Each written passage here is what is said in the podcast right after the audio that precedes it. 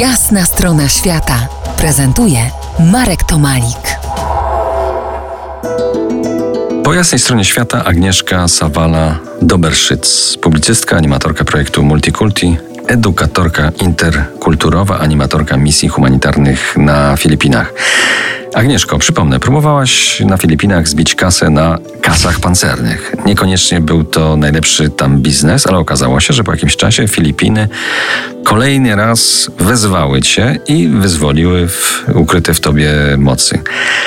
Ale była do tego potrzeba wsparcia. Tym wsparciem był tajfun Jolanda. Co tam się wydarzyło i jak się w tym odnalazłaś? Wtedy już byłam w Gorzowie Wielkopolskim.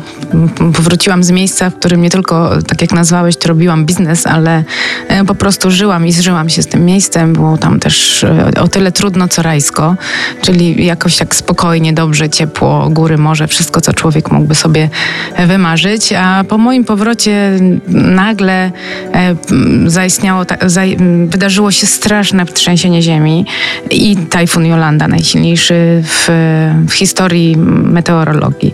I to przeszło mm, akurat przez te rejony, które ja znałam, więc pomyślałam, że muszę tam wrócić, zobaczyć, co mogę zrobić, co, co się w ogóle wydarzyło. Moich e, znajomych nie spotkało nieszczęście bezpośrednie, ale naprawdę zdewastowało ten kataklizm, zdewastował kawał moich Filipin, więc musiałam wrócić, e, zobaczyć, co można zrobić i okazało się, że można zrobić, właściwie trzeba zrobić cokolwiek, bo potrzeby są ogromne.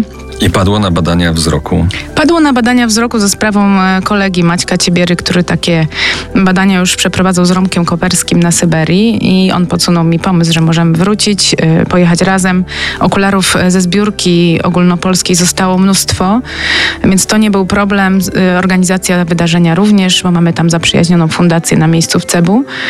E, jakieś 5 sekund nam zajęło przemyślenie tego, później trochę dłużej zbiórka społecznościowa na bilety, no i pojechaliśmy badać wzrok. 150 osób? Około 150 osób, 3-4 dni intensywnej pracy, w tym jeden dzień e, w więzieniu dla kobiet. Tak, myślę, że pomogliśmy wielu osobom po prostu funkcjonować na co dzień. Taki taksówkarz czy nauczyciel który za pomocą naszych okularów będzie mógł jeszcze przez kilka lat pracować i utrzymywać swoją rodzinę. Ja myślę, że to jest bardzo wymierna pomoc. Była to wielka frajda, wielki wysiłek także mo dla moich córek, które pojechały jako wolontariuszki i bardzo dzielnie się spisały. Czuję, że zrobiliśmy tutaj kawał dobrej roboty, aczkolwiek wciąż jest to kropla w morzu potrzeb. A powiedz, jak to wpłynęło na ciebie? Jak pozmieniało w głowie?